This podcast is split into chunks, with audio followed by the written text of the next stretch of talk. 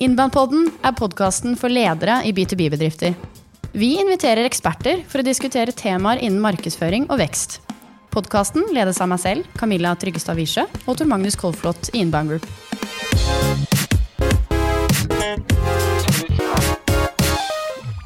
I dag gleder jeg meg fordi vi skal snakke om kanskje det vanligste og vanskeligste spørsmålet vi får fra selskaper der ute. Hvilke og hvor raskt kommer resultatene med inbound marketing? Eh, inbound marketing er jo i seg selv en, i sin natur en langsiktig strategi. Pleier å si at det er et maraton og ikke en sprint.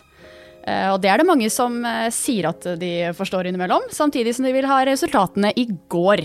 Så i dag skal vi gå i dybden på hva er det egentlig man kan forvente, hva bør man måle, hvor lang tid tar det, og hva er suksesskriteriene for å komme dit. Og vi er veldig heldige, for vi har med oss to gjester i dag.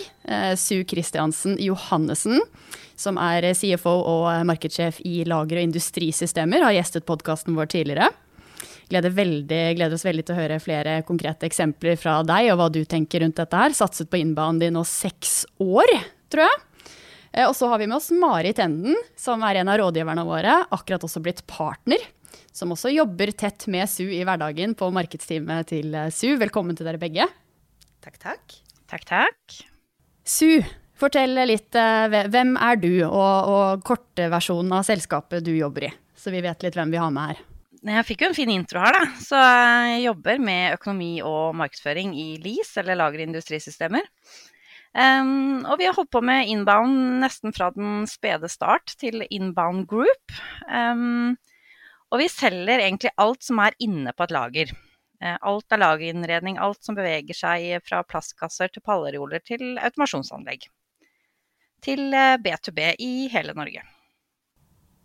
Og du er CFO, så jeg antar at du er kanskje over snittet opptatt av tall og resultater og salg? Ja, og det er egentlig veldig gunstig det å være både økonomi og markedssjef. Eh, vi er eh, veldig sjelden enige, eh, men resultatet til slutt tror jeg blir veldig bra. Tøffe diskusjoner. Ja, og noen ganger så spretter markedssjefen champagnen, og økonomisjefen er ikke like blid, altså. Så eh, Men eh, ja. Eh, men det er en god kombinasjon, for jeg er jo veldig opptatt av å få resultater ut av hver eneste krone jeg putter inn i markedsføring. Og jeg er veldig opptatt av å måle det. Det som jeg klarer å måle. Og så er det veldig mye jeg ikke klarer å måle, og det er også greit. Da stiller vi alle spørsmål om hva som er vanskelig å måle til Mari her, så får du ta det. Det blir gøy. Hvem er du da, Mari? Ehm, jeg er strategisk rådgiver eh, for eh, en rekke av de vi samarbeider med her i Inbound, eh, bl.a. LIS. Som fungerer som en sparringspartner på hva, hvilke tiltak de gjør, hva vi skal satse på og hvorfor. Og, og hva vi skal også, måle resultater. Og du er også utdannet samfunnsøkonom. Ja. Så vi ser en sammenheng her mellom måte, de som er opptatt av økonomi og tall og markedsføring. Det er en sånn killer combo. Ja, jeg tror det gir en, ja. en styrke å hvert fall ha litt Eh, forretningsforståelse i tillegg. At eh, det ikke bare blir eh, sminke og, og grønnvasking og alt det som markedsføring kan føre til. Bra, Tor Magnus. Alle kjenner oss. Jeg tar ikke noe intro av, av deg. Men jeg tenkte du kunne innlede litt. Grann, for å sette litt sånn rammene her. Fordi uh, vi snakker jo om inbound marketing nå. Det har vi mange egne episoder om. Så de som lytter på denne podkasten, forutsetter vi at måte kan prinsippene. Men vi skal ta et lynkurs. Uh, og så tenker jeg kan starte med deg, Tor Magnus. Når man jobber med inbound marketing, så kan man gjøre det av mange ulike motivasjoner. Man kan ha mange ulike mål. hva tenker du på en måte er det viktigste, eller de vanligste målene man setter seg om man skal satse på inbound marketing? Få til vekst. Øke salget. Salg, nye kunder. Ja. Det er jo greia. Ja. Og da handler det bare om å generere leads, eller? Da dreier det seg ofte om å generere leads, få navnet på potensielle kunder, få henvendelser fra folk som er interessert i å i å kjøpe fra deg. Eh, men det kan også God inbound marketing og digital markedsføring, så er det også for å påvirke og hjelpe salg på alle mulige måter. Så hvis eh, selgerne kan eh, ha mye høyere tilslagsrate, så er det superviktig. Og det er sånn, I 2022 så går alle inn på nettsiden til en leverandør før du kjøper noe. I fall hvis det er noe som koster en del penger alle gjør research på et eller annet nivå i en B2B-kjøpsprosess. Så da gjelder det å være litt uh, synlig der, og ikke bare tenke tradisjonelt rundt salg og markedsføring. Men uh, det er jo en lite, liten utfordring, fordi det å drive med inbound marketing og lage masse måte Dele gratis råd og lage masse innhold, webinarer, artikler, uh, videoer osv. for å tiltrekke seg nye kunder, det er jo ganske krevende, og det tar ofte litt tid før man begynner å få mye leads. Og kanskje så får man liksom første året man satser på dette, kanskje bruker man en million i året på dette, og så blir det 100 nye leads som ble to nye kunder. Var det bra, eller var det ikke bra? Eller man kanskje ikke fikk noen nye kunder etter alle disse markedstiltakene første tre månedene man holder på. Da, du, da kan man jo lett tenke at dette er jo en elendig strategi som ikke funker i det hele tatt. Og jeg har tittet på noen gamle tall for deg, eh, for Lise, og sett liksom på resultatene i 2015. Og det var ikke så veldig mye leads. Eh, det så ikke superlyst ut måned fire. Nei, det gjorde ikke det. Med inbound marketing for lease. Det gjorde det jo ikke. Første året så egentlig ganske kjedelig ut. Ja, det løsnet ja. litt ja. på slutten her, da, men eh, ja. Totalt sett så var det litt begredelig. Jeg tenker det, det er litt sånn, sånn, oppsummert her, da, det vi bruker mye tid på å snakke om uh, i det siste, er at veldig mange tenker at uh, inbound marketing handler om å generere leads. Nye leads inn, det er på en måte den eneste kopien, det er det eneste vi måler på. Nå skal vi få nye salgsmuligheter inn, og så skal salg close de, og da er på en måte markedsføringsjobben ferdig. Så, så litt sånn oppsummert uh, hva du sa nå til Magnus, så handler det veldig ofte om å skape nye leads, uh, øke hitraten eller tilslagsraten i salg, og bygge merkevare. Eh, og så er det mange måter å gjøre det på, selvfølgelig. Og, og, det som er spesielt innenfor B2B også, det er jo ofte, og det vet jo for dere òg, Lise, at det er jo lange kjøpsprosesser. Så et lead også, som kanskje kommer inn i deres database i januar 2015, ble kanskje ikke en kunde før i 2017. Så eh, kan ikke du fortelle litt, Lis, om litt sånn bakgrunnen for hvorfor dere satset på innom marketing? Vi hadde noen tøffe år rundt 2015, 2014, 2016. Det var mye som skjedde i bransjen. Eh, Autostore ble jo lansert. Eh, det var eh, kraftig prispress. Og vi tapte og vi tapte og vi tapte ordre. Vi kom gjerne til bordet, men vi tapte på pris. Og den gangen også brukte vi jo mye penger på markedsføring. og det tror jeg veldig mange små og mellomstore bedrifter gjør. Eh, du bare veit ikke helt at du bruker det på markedsføring. Eh, men vi hadde litt Google-annonser vi kjøpte her, og litt Google-annonser vi kjøpte der. Og vi hadde noen artikler som vi kjøpte i noen fagblader, og vi hadde selvfølgelig annonser i logistikk og ledelse, og vi prøvde oss på noen bannere her, og vi styrte og vi ordna. Og mye penger ut uten mål og mening. Eh, og det var vel det som på en måte var det som trigga meg mest med inbound marketing, at ting det blei en plan på det. Eh, og vi visste litt eh, hvorfor vi gjorde ting som vi gjorde. Eh, og ting var ikke tilfeldig lenger, sånn som det hadde vært i mange år. Hva sa du til styret og ledelsen? Nå skal vi satse på dette, legge ganske mye ressurser og penger og tid i en markedsføringssatsing. Dette er det jeg forventer å få ut av det. Hvordan jobbet dere med den i starten, som ofte er litt sånn krevende? Ja, det er jo en krevende prosess, men jeg tror alle fort skjønte at på en måte her hadde vi eh, Det var den beste muligheten vi hadde til en type historiefortelling, da. De fleste norske lagre veit om LIS, eh, men de var, kanskje ikke helt eh, trygge på oss. Og vi var alle klare for at vi må bort fra produktfokus. Vi kan ikke lenger få mail der det står hvor mye koster fem meter med pallerjol. Um, for det er ikke sikkert det er en pallerol du skal ha. Eh, og det må vi prøve å fortelle kundene våre at eh, vi må hjelpe deg med hele lageret, så hele logistikken din blir eh, riktig. Og så var styret også veldig opptatt av at det kom jo en ny type logistikksjef eh, som ikke hadde vært eh, i bransjen før. Og det var den nye gründeren som starta nettbutikk. Og han hadde vi ikke kål på, han hadde vi ikke kontroll på, han visste vi ikke helt åssen tenkte. Det var ikke mann 55 som kjøpte pallerioler. Eh, og da var det veldig lett å på en måte prøve å tørre å være litt eh, moderne. Eh, så vi kutta ut alt og putta alle pengene i inbound-sekken da i 2015-2016. Og etter det første året, når dere sikkert tok en gjennomgang, nå har vi gjort dette her et år, eh, hva var ståa da? Hva var på en måte diagnosen av eh, resultatene dere har oppnådd, og tanken om fremtiden? Vi var jo ute etter for å trygge kjøpsprosessen. Eh, hei kunde, det er ikke sikkert at du vet hva du skal ha. La oss hjelpe deg. Um, og det var vel et av målene våre. Og vi skjønte jo tidlig at måte de artiklene vi lagde og sånn, vi, skjønte på en måte at de blei lest, eh, og at det skjedde noe. Men vi hadde ikke pangresultater, men vi så at kurven begynte å gå oppover, da.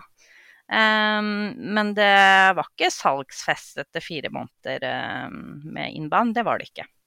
Men igjen, vi hadde en plan, uh, og vi visste hvorfor vi gjorde det. Uh, og vi var klare for å prøve og feile litt. For nå eide vi det sjøl. Hvis du skal beskrive uh, situasjonen nå, da, seks år inn. Jeg tror det er sjette året nå, Su, stemmer det, eller? Det stemmer nok, 20, det. Altså. Nå er vi i 2022. Ja. Mm. Mm. Hva, hva, vil du si nå, da, hvis du får spørsmålet hva, hva har du oppnådd ved å satse på, på inbound marketing?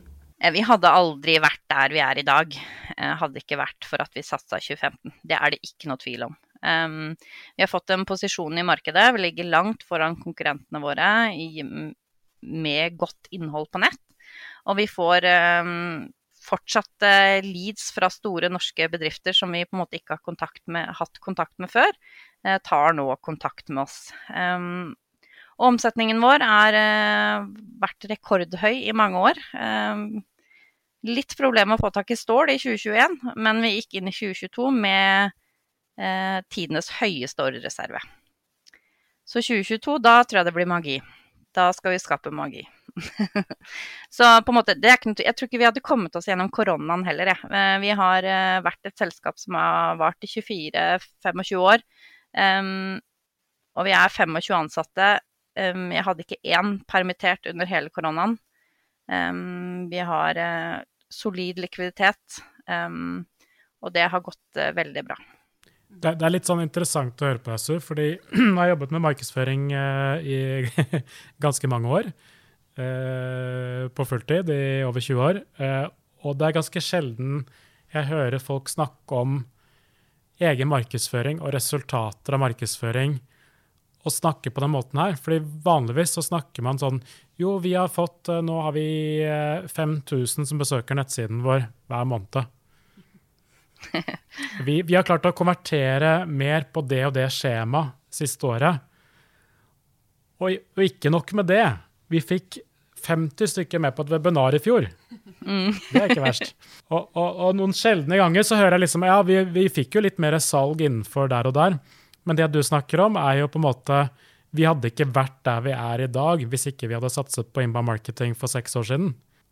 Og, og korona vet jeg ikke om vi hadde liksom kommet oss gjennom engang.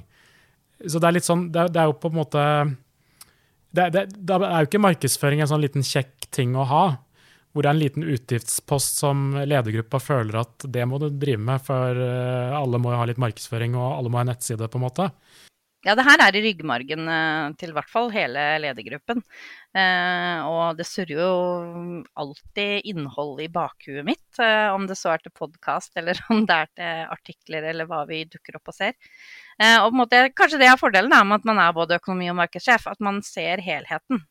Eh, og hvor mye det også betyr for mine kjære kollegaer at vi er synlige, og at vi syns at folk snakker om oss, at eh, store, kjente firmaer tar kontakt med oss og vil ha hjelp.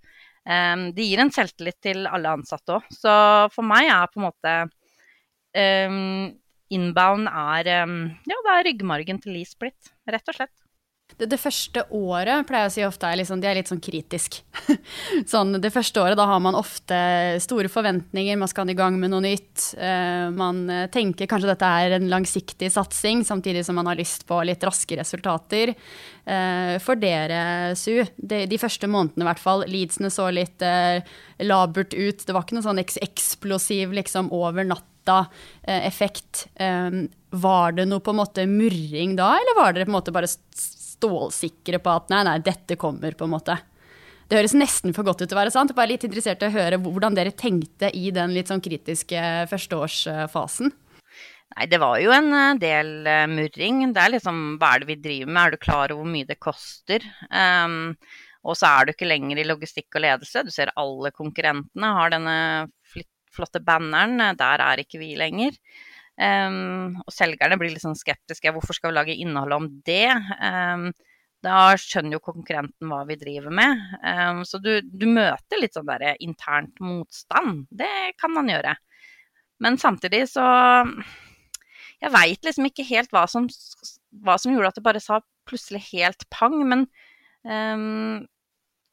det er når du plutselig får de henvendelsene, og de kommer jevnt og trutt, da. Ikke at du følger noe graf eller noe sånt, men når du får de der gode hendelsene 'Jeg leste en artikkel om', 'Jeg så dere på', 'Jeg så den videoen'. Eh, når du får det, og det, da, da blir man stolt, altså. Og da, da skjønner man at det virker. Ja, Så de, de første litt sånn forløsende, kall det aha, eller opplevelsene der, som kanskje kom noen måneder inn, men når først de kommer, så ser man i hvert fall sånn som du nevnte i stad, at pilene peker den veien. At man blir veldig på en måte motivert av at dette her kommer til å bli bra. Ja, for jeg husker daglig leder sa til meg at nå tar vi ikke kalde telefoner lenger. Eh, og da begynte det noe å skje. Folk visste hvem vi var. Vi ringte ikke kaldt. Den kom vel ikke første året, eller? Den kom ikke første året, men jeg føler den er Den kom ganske Ja, si etter et par år, da. Par-tre år. Eh, du Mari har jo jobbet, eh, og jobber, men også nå med en god del selskaper i starten av sin innbanesatsing. Uh, og noen har veldig god tid, andre har litt dårlig tid, og mange vet egentlig ikke helt. Sånn, hva opplever du på en måte er Det ble et stort spørsmål. Uh, hva tenker du er viktig når du jobber med kunder sånn i starten, når vi skal balansere de langsiktige målene og de kortsiktige? Hva er din liksom, tilnærming nå, beste råd til eh, B2B-ledere her ute som har lyst til å satse på hvordan de vil tenke? Vi bruker jo mye tid i starten på å snakke om hva er det du faktisk ønsker å oppnå. Og det er veldig sjelden svaret der er vekst. Selv om jeg vet at alle som står rundt her er glad i det og snakker om leads og, og vekst. Men det er mye mer i tråd med det Eh, Su har snakka om nå, at vi ønsker å være en tankeleder, vi ønsker å etablere oss som en rådgiver. Vi ønsker at folk skal komme til oss og ikke spørre om pris på produktet, men hvilke produkter bør jeg velge? Hvordan kan jeg gjøre dette her best mulig? Eh, så det handler jo mye om å sørge for at eh, de resultatene og de målene vi setter oss, samsvarer med det de sier at de ønsker. For ja, vi kan godt gå rett på leads, vi kan øke trafikk til nettsiden og sørge for masse av dette, men treffer vi de riktige? Eh, det får vi jo mer i de kvalitative tilbakemeldingene som selgerne sier at når jeg møter kunder nå, så vet de litt mer enn de gjorde før. De stiller bedre spørsmål. De er litt mer oppleste. Um, så det, det, er egentlig veldig sjeldent i en startfase at kundene selv sier 'vi ønsker mange nye leads'. Uh, det, kommer liksom, det kommer litt etter litt. Eh, og noe som alle har forventninger om etter hvert, tror jeg. Men eh, den langsiktige satsingen er jo nettopp det der å eh, påvirke kjøpsreisen. Sørge for å komme inn tidlig nok. Hvordan, hvordan pleier du å måle det da, Mari? Eller måler du stort sett liksom bare antall nye leads hver måned? Vi følger jo med på det. Vi følger med på alt det som er kvantitativt målbart, og bruker jo Hubspot til alt det vi kan bruke det til. Eh, men så er vi helt avhengig av den kvalitative tilbakemeldingen også. For jeg kan jo se at eh, det har kommet ti nye henvendelser via dette skjemaet. Men hvem av de som er idealkunde og bare drømmehenvendelsen, det er helt avhengig av at Su f.eks. sender meg en e-post og sier 'denne var midt i blinken'. Eh, og da lærer jo vi også mye mer om hvem er det vi egentlig skal nå. Jeg har inntrykk av at innenfor mange B2B-bedrifter så er det mye viktigere å få inn ti helt riktige kunder enn 15 litt diverse kunder. Mm. Eh, kanskje ikke sånn i forhold til å fakturere mest mulig neste kvartal, men i det lange løp at det eh, er, eh, er noe de fleste er tjent med. Ja, og det er også viktig med den daglige kommunikasjonen at man har en sånn Vet du, hvis vi lander denne, så har vi rettferdiggjort hele investeringen i innbanen i år. Mm. Eh, å få den, det, den inputen, da er vi helt avhengig av eh, den kvalitative kunnskapen som sitter i andre enden. Eh, og da vet vi at en av dem konkurrerer ut 1000 av irrelevante kontakter det du sier her nå, Mari, er jo litt sånn det vi også ser. Man har, når man starter med marketing, så kommer man fra litt ulike perspektiver. Noen kommer fra liksom det du nettopp snakket om nå, vil bli mer synlige, jobbe mer effektivt med salg. Eh, oppleve at flere folk har hørt om oss der ute. Eh, men, men, det kommer som regel fra et perspektiv at man eh, vil gjøre det for å få til eh, bedre salg, eller mer salg. Så, så, det er på en måte liksom alltid, eh, alltid den overordnede målsetningen eh, som vi ser. Um, Men, men, det vi også pleier å si, da, som alltid er som kaller refleksvaret vårt, eh, Tor Magnus, når folk stiller det store spørsmålet når får jeg positiv ROI, hvor lang tid tar det før jeg får mer penger igjen for denne satsingen enn det jeg legger inn? Uh, og da pleier vi å si du må minst på en måte sette et år. Det er liksom refleksvaret. Vet du hva jeg, du hva jeg tenker, Camilla? Ja. Jeg tenker det bør være minst en femårsplan. Ja. Men du må kunne regne litt tilbake da, før fem år. Jo, jo, det er greit å få et par leads eller noe ja, ja, ja. effekt uh, før det har gått fem år, da. Så jeg bruker alltid eksempelet, eller vi bruker det når vi holder webinarer og prøver å svare på et spørsmål, så bruker vi ofte deres eksempel, eh, Su. Fordi det første året så så dere på en måte at pilene pekte i riktig retning, uh, fikk flere henvendelser, flere hadde hørt om dere når dere snakket med dem, dere fikk flere folk inn på frokostseminarene deres. Men det tok jo tid før dere kunne regne det tilbake til salget, og man kunne se det på omsetningen, og på en måte du kunne slå i bordet til styret om at det her er ROI-en på en måte svart på hvitt eh, positivt. Mm. Um, så, så, det snakker vi veldig ofte om, fordi inbound marketing i seg selv, i sin natur, handler jo om å bygge den synligheten digitalt, få liksom løpende leads-motorer til å jobbe for deg, ha masse godt innhold uh, i salgsprosesser, sørge for at du er synlig i Google. Det er på en måte ikke noe som skjer over natta. Det, det er liksom i, seg selv litt sånn umulig. mm. um, så for å på en måte få sving på markedsføringen, så pleier vi liksom å si du må gi det minst et år eller pluss. Uh, og den kan jo være litt tøff for folk å selge, eller for å, tøff å svelge noen ganger. Det er minst 18 måneder, vil jeg si. Ja, ikke sant? Hvis du ikke tester det i minst 18 måneder, så er det liksom, blir det fort at du blir litt skuffa også. Ja, så, så, vi bruker ofte mye tid på å snakke om Det er jo ikke det at man ikke skal oppnå noe i den årsperioden. Jo, jo, fordi, fordi, men det så å bygge opp eh, en, en leads-motor som jevnlig og trutt bare pumper på med leads og henvendelser, det får de ikke til sånn kjapt. Nei. Det går det ikke etter seks måneder. Nei, men du kan være heldig og holde et webinar, få inn et nytt lead og close den til en to millioner satsing. Jo, jo, men da har du ikke en jevn, da jevn lead-strøm. Nei, da, men da styret ville vært veldig happy med den investeringen. Jo, jo, men du kan ha et tiltak som kunne, kunne gitt uh, noen salgsmuligheter der og da. Men, du, men, det er ikke sånn at det da automatisk bare tikker inn nye leads neste måned også. Fordi du bare surfer videre på et fundament og en bølge liksom, som bare er der. Eh, det tar litt tid å bygge opp. Det er gjerne mer sånn to-treårsplan. Men, klart, det, men å sette opp et webinar kjapt for å få noe effekt av det, f.eks. lage et utrolig godt eh, referansecase som selgerne kan begynne å bruke i det daglige med en gang, det kan gi effekt på salget ganske umiddelbart. Men klart det å bygge opp liksom kjennskap generelt til markedet og en, bare en strøm av jevnlige henvendelser hver måned og sånn, det, det, er en langsiktig sak. Jeg kan nevne en som vi nå har fullført første år med, som er veldig der hvor Lis var for fem år siden. Uh, og da hadde vi møte nå i starten av januar og gikk gjennom salgsmålene for 2021. Eh, og hvor fornøyde de er med investeringen og satsingen på oss. Eh, salgsmålene er overhodet ikke nådd. og de skrudde opp dem ganske betraktelig fordi de investerte i inbound marketing. Eh, og når jeg graver litt i men hva, hva er følelsen, hva ønsker dere? Så, men vi skal fortsette. Det er klart vi skal fortsette. For de tilbakemeldingene vi får, er at det er flere som kjenner til oss. Eh, det er flere som stiller de spørsmålene vi ønsker de skal stille. Og selgerne er så stolt av det innholdet vi lager, og bruker det aktivt når de møter kunder så tar de fram bloggen, viser en artikkel eh, og bruker dette. Så selv om Og der, der satt eh, salgssjef og daglig leder og alle og sa at dette her har vært en kjempesuksess. Selv om ingen salgsmål var nådd for det året. Og den suksessen der, den er vanskelig å se i HubSpot. Ja. Du kan se tendensene på en måte i målingene, men dette, det du sier da, det slår ikke ut på leads eller nødvendigvis eh, Trafikktall slår det sikkert ut på, for jeg har hørt at mye av innholdet blir veldig bra lest og hørt på.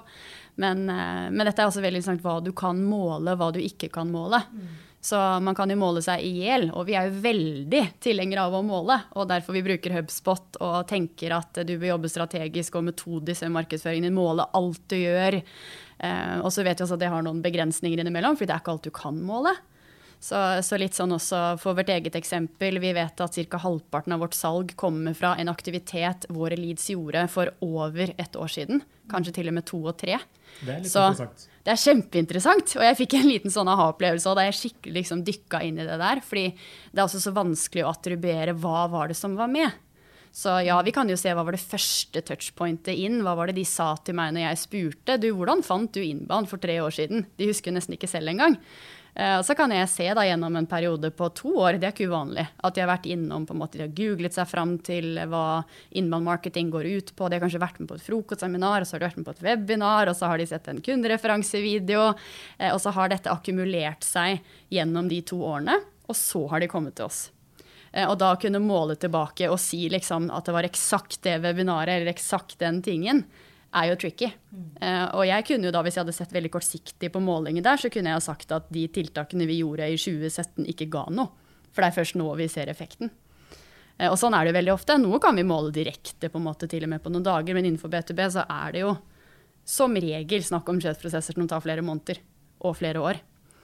Um, vet ikke hvordan du tenker det rundt ESU, men du har et litt sånn pragmatisk uh, blikk på måling og hva som kan regnes tilbake til markedsaktiviteter versus salgsaktiviteter. Og, uh, hva, hva, tenker du rundt det? Mye kan vi se i HubSpot for dere, og liksom tallene, de store linjene, peker uh, noen rette veier. Men litt sånn hva som ligger bak. Nei, um jeg er ikke så veldig opptatt av eh, alle tallene jeg får ut av HubSpot. Jeg liker å se helheten. Eh, når teknisk avdeling hos meg har mye å gjøre og svetter, og jeg ser at det er store prosjekter som det jobbes med, eh, og kjente navn, så skjønner jeg at nå er det noe som fungerer. Eh, jeg ser at dekningen går eh, oppover, eh, så beklager mine kunder. Men jeg ser jo at jeg får solgt det til en bedre pris enn det, det jeg har gjort før. Og da er jo økonomisjefen også veldig fornøyd. Og jeg er veldig opptatt av det at man, man må få de riktige leadsene, eller man må huske på at det er så mange man ikke skal nå. Eh, og med tradisjonell markedsføring så mener jeg at man betaler veldig mye da, eh, for å nå de personene man ikke skal nå. Eh, sånn som mamma kan si ja, nå driver du med så mye om markedsføring, nå skal vel du ha sånn TV-reklame snart du dama, sier mamma liksom. Nei, så absolutt ikke, for det er ca. 2,7 millioner av de jeg absolutt ikke skal nå. De trenger ikke å vite hvem jeg er. Um, så det tror jeg at man må tenke på at det, det er, du må ikke betale for å nå noen du ikke skal nå. Hvis du, hvis du begynte å jobbe i en annen bedrift. Eller starte en egen bedrift uh, på nytt, eller et eller annet. Mm. Og skulle ha ansvar for markedsføringen, og de driver ikke med inbound marketing fra før. Mm. Og styreleder kommer til deg og spør uh, du har hørt at du kan, dette, du kan sånn markedsføring. Kjør på. Hvor, hvor, når, når, får vi resultater? Hva, hva, hadde du tenkt da? Hvis du skulle liksom, liksom starta på nytt på en eller annen måte? Eh, da hadde jeg sagt kan jeg få se resultatene av den markedsføringa du har hatt hittil. Hvor mye penger har du brukt, og vis meg resultatene. Vis meg hvordan du sporer de pengene du har brukt nå. Eh, og da får man som regel ikke så veldig gode svar. Så hadde jeg sagt jeg kan begynne å jobbe med det her. Eh, og da skal du få sporbarhet, og så skal du se når jeg feiler, og du skal se når jeg lykkes. Men du må gi meg tre år. Hva tror du responsen hadde vært eh, tilbake på det? Nei, det her tror jeg Nei, det ville vi ikke. Nei. Eh. det sier min magefølelse også. men, ja.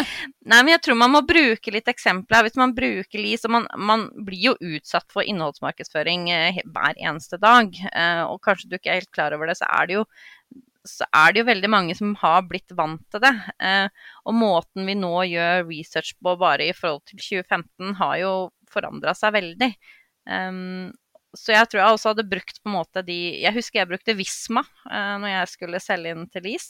For de var ganske tidlig ute uh, med å forklare hva varelageret er, og hvorfor skal du ha et ERP-system og alt sånn. Um, og det ble en liten sånn åpenbaring at man begynte å dele informasjon. Da. Man satt ikke og holdt på informasjonen og kunnskapen, men at man delte den. Um, så jeg tror vel på en måte jeg tror det er mange bedriftsledere der ute som bruker vanvittig mye penger på markedsføring, men at de én ikke tør å innrømme det, og to de vet ikke hva de bruker det på. Mm. Ja, Det burde være et greit utgangspunkt. For så slår man noen ganger når folk kommer til oss, så det, stiller man disse, disse tøffe spørsmålene sånn ROI, hvor raskt har det å få resultater? Og så hører du tilbake at de har svidd av en million kroner på en annonse de ikke vet hva har skjedd med. så en litt sånn artig betraktning at ok, da har vi litt å jobbe med her, på en måte. Men uh, men hvis vi ser på litt sånn tilbake i tid, da. Dere har satset i jevnt og trutt i krisetider og oppgangstider og nedgangstider. Um, hvis du går tilbake nå og, skal snakke litt til de som også ønsker å komme i den situasjonen om fem år. Um, hva tenker du har vært liksom suksesskriteriene for at dere har fått til disse resultatene? Liksom, har det vært noen liksom utslagsgivende ting dere har fokusert på, gjort, tenkt? Vi hadde jo også, selv om vi ikke hadde vært der vi hadde vært i dag uh, uten Inbound, så hadde vi jo ikke vært der uten Inbound sine ansatte. Um, nå skal ikke det her være en skrytepod, men Nei, Det var ikke meningen heller å legge opp den ballen sånn, men uh, siden du kommer på eget initiativ. Det, jeg kommer til, kommer til resonnementet mitt her. Uh, og det er måten vi har blitt pusha på, og måten vi har blitt utfordra på, uh, og måten kontraspørsmål vi har fått når jeg har hatt en idé, og jeg blir møtt med ja, men hvorfor det? Forklare meg hvorfor. Så blir du hele tiden utfordra på det tradisjonelle måten du tenker på. Uh, og så kan dere si ja, men hvis jeg var kunden din, så ville ikke jeg tenkt på det, f.eks. Vi er veldig opptatt av tekniske ting. Uh, og jeg kunne sikkert skrive Men da er det jo kjempefint å ha folk som sier ja, men er det her relevant? Uh, nei, det er jo egentlig ikke det. Og bli pusha på videoer, bli pusha på frokostwebinar, og til og med laga en podkast. Frokostwebinarer var jeg kjempeskeptisk til. Eh, når Guro foreslo det, så tenkte jeg nei, det her blir dritflaut. Det kommer til å fi komme fire stykker. Eh, så blei det fullbooka i løpet av ni minutter. Og det er gøy, det. Det er gøy, det. Å løpe rundt i korridoren på jobben din og se at du har klart å fylle opp et frokostwebinar på Vinterbro med rundstykke med ost og skinker på ni minutter, det er stas. Ja, det er stas. Jeg er helt enig. Så så litt sånn oppsummert, da, det, det på en måte at dere har turt å prøve nye ting hele veien. Eh, og turt å eh, stille spørsmål om hvorfor. Mm. Og jeg tenker det å hele veien sørge for å ha en fokus og stille de tøffere spørsmålene rundt markedsføringen sin. Så selv om dere har satset relativt offensivt, så må man også prioritere. Og det handler mm. vel så ofte om å velge ting vekk som å velge ting du skal gjøre. Mm. Uh, vet jeg du er veldig opptatt av Mari. Mari jobber også på mitt team, så jeg får oppleve hvordan det der er uh, på andre siden. Uh, hva tenker du, Mari? Sånn, hva tenker du på en måte er hvis jeg stiller deg litt det samme spørsmålet som stilte til Su, hva tenker du liksom er suksesskriteriene om man ønsker å få til gode resultater på sikt? På år to, tre, fire, fem? Altså, en av eh, de grunnleggende tingene som, i hvert fall hvis man bruker LIS og SU som eksempel, så er det den tilliten eh, SU viser hele teamet til innband. Eh, og nettopp det at SU er veldig god til å gi andre rom og si hvor, hvor hennes ekspertise stopper. Så da når det kommer en videoprodusent og sier én ting, så lyttes ut til det. Og så får vi spillerom. For det er veldig lett å bli sånn Ja, du kan kanskje Facebook, men jeg kan bransjen min. Og mine altså, kunder de liker ikke det der. De gjør ikke sånn. Eh, så det er veldig ofte, særlig tidlig når disse resultatene lar vente på seg, at man får litt begrenset alburom. Eh, og kanskje får eh, noen ganske kraftige mål og krav om resultater, og så får man ikke lov til å gjøre det man har trua på for å oppnå de resultatene. Eh, så det der å ha litt is i magen og tillit til at andre har noen erfaringer som kan være gode å lære av å bygge på, det tror jeg er veldig viktig. Og den, den, daglige kommunikasjonen og samarbeidet. At altså, vi spiller hverandre gode. Jeg føler aldri at Su sitter og holder noe over hodene på oss og sier dette, dette skal dere klare. Det er vi skal klare dette her sammen. Uh, og vi lander ikke, altså Innbånd lander ikke salg på vegne av LIS. Det er et samarbeidsprosjekt. Uh, og når man begynner å tenke sånn, så er det også veldig mye enklere å oppnå resultater. Mm. Og det tenker jeg det gjelder jo uavhengig av om du gjør dette selv eller med et byrå. da. Absolutt. Så det at markedsteamet ditt og de som jobber med markedsføring og, og det arbeidet der også har albuerom og på en måte tid til å få til ting, da. Mm. Tid og tillit og samarbeid mellom marked og salg, det er eh, viktig. Og det kan være vanskelig å få til hvis du har for liksom, strenge, kortsiktige salgsmål eh, på en måte tre-fire måneder fram i tid. Du måles på at vi skal være nummer én i Google, og alle skal kjenne til oss. Eh, men du skal også nå dette her, og det er der vi bruker alle budsjetter. Jeg har spørsmål til egentlig begge to både deg, Mari, og deg, Su. Hvor, hvor, bra resultater tenker dere er mulig å få til med inbound marketing? Det var episodens ja, enkleste spørsmål. Har ikke den greia? Ja, ja. ja jeg er nysgjerrig. jeg føler i hvert fall ikke at vi har landa. Jeg tenker at vi har egentlig så vidt begynt, vi altså. Det er fortsatt, det er fortsatt i en sånn halvveis cowboybransje med mange små aktører, og det er fortsatt flere markedsandeler jeg kjenner jeg skal ta. Og jeg skal bli det foretrukne valget for alle som har et lager i Norge. Og da har du mye å jobbe med. Så Da er det jo definert marked, på en måte, så kan man sikkert måle litt markedsandeler og sånt nå. Ja. Så, og det gjør vi jo hvert år. Og jeg drømmer jo om å ha en egen økonomiavdeling. Så jeg kan jobbe mer med markedsføring. Så det er liksom målet, da. 500, en halv milliard og så en egen økonomiavdeling. Mm. Ja, bra mål. Jeg har hørt at det, de som lykkes best, de har mål. Ja. men, men, sånn som jeg bare tenker på, det, Nå har jo Lise sammen med Inbound jobbet uh, ganske målretta med inbound marketing over mange år. Og gjør jo masse aktiviteter. Skriver tekstartikler, lager videoer, referansecaser, frokostseminarer, webinarer. Har til og med egen podkast, Logistikkpodden. Um, og annonserer sikkert både her og der, uten at jeg kan liksom alle detaljene. Men har man da liksom da, da, da, har man dekket alt, på en måte? da? Det er liksom ikke noe mer å gjøre? Det som er gøy med inbound marketing, er jo at du bygger alltid på ting du har gjort før.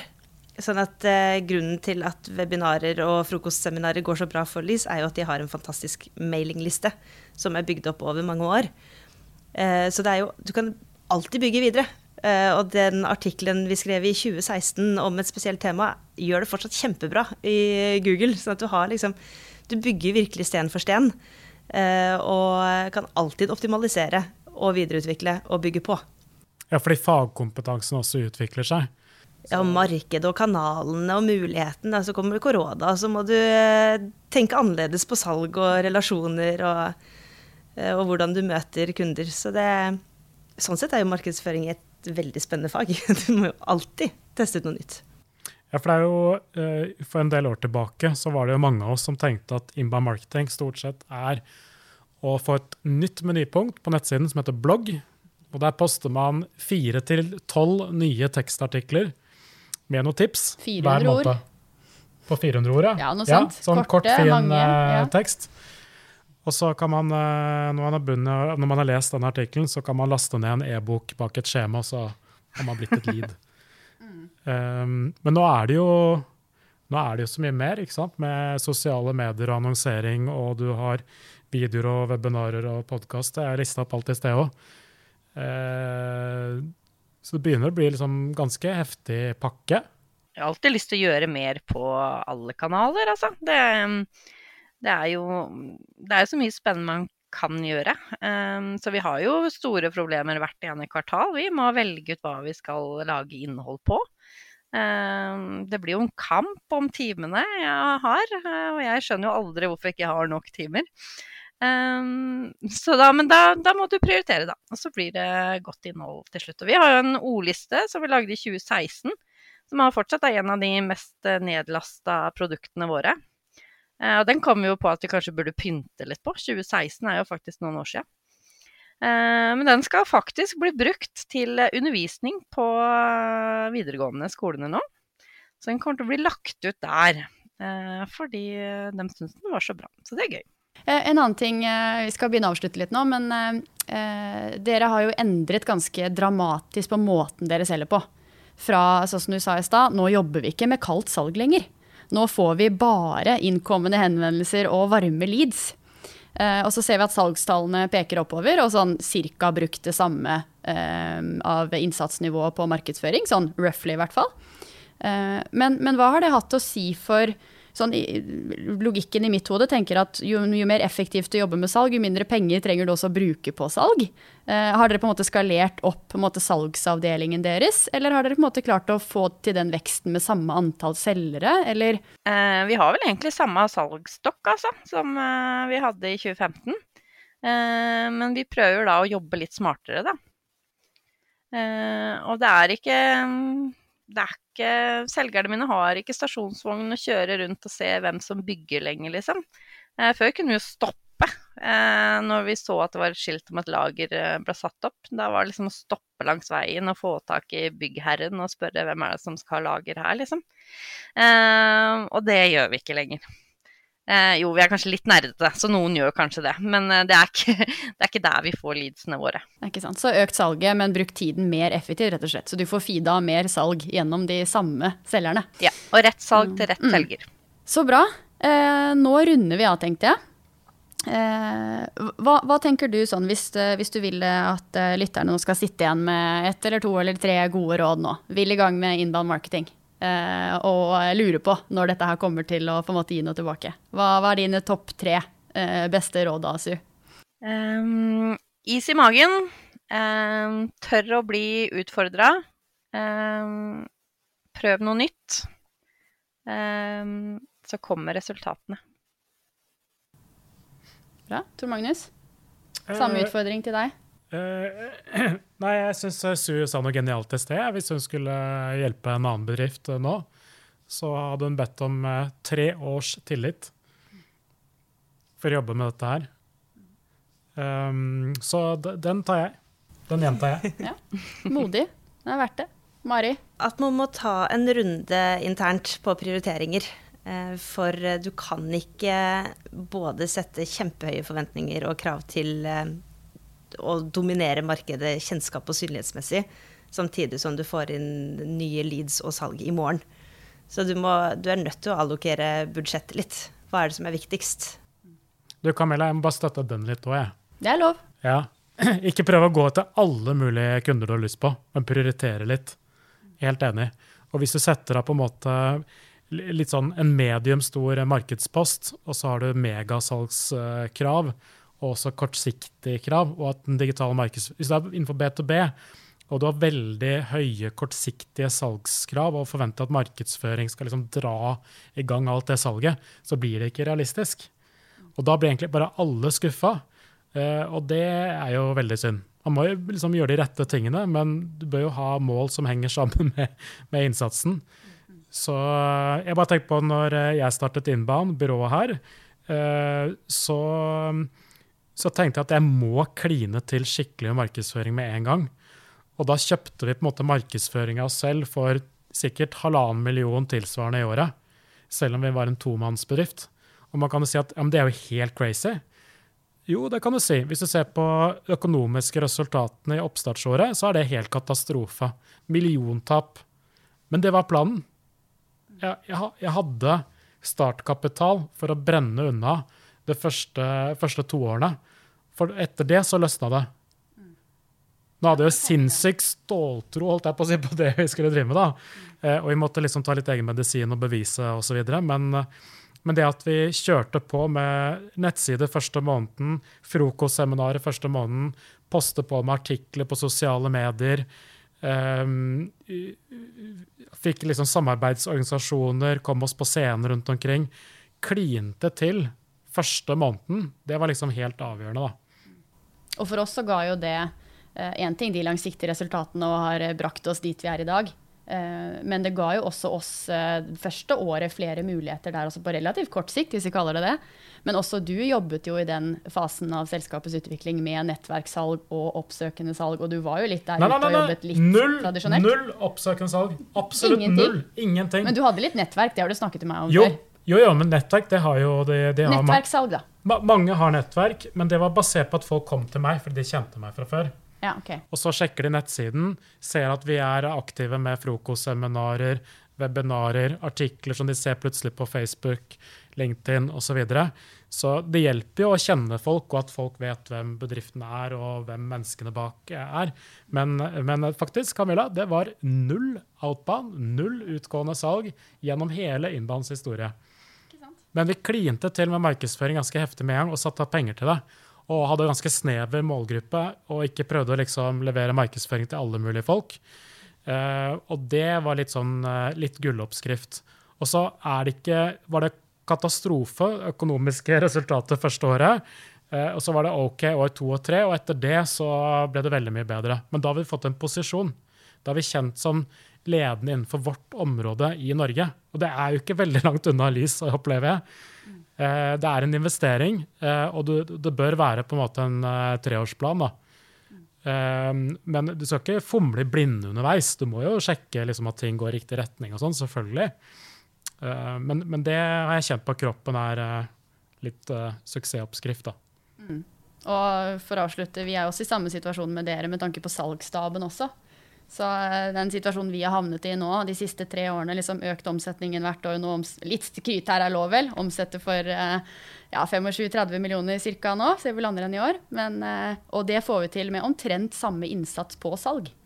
Og fortsatt nå, vi jobber jo ingenting med oppsøkende, vi selger kun til de som ringer og ber om en prat. I 95% av tilfellene.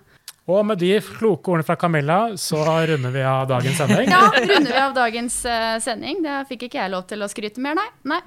Nei, men Tusen hjertelig takk, eh, Su og Mari, for at eh, dere var med. Så har vi også flere andre episoder også hvor Su er med, hvis man har lyst til å vite enda mer om Su-caset her.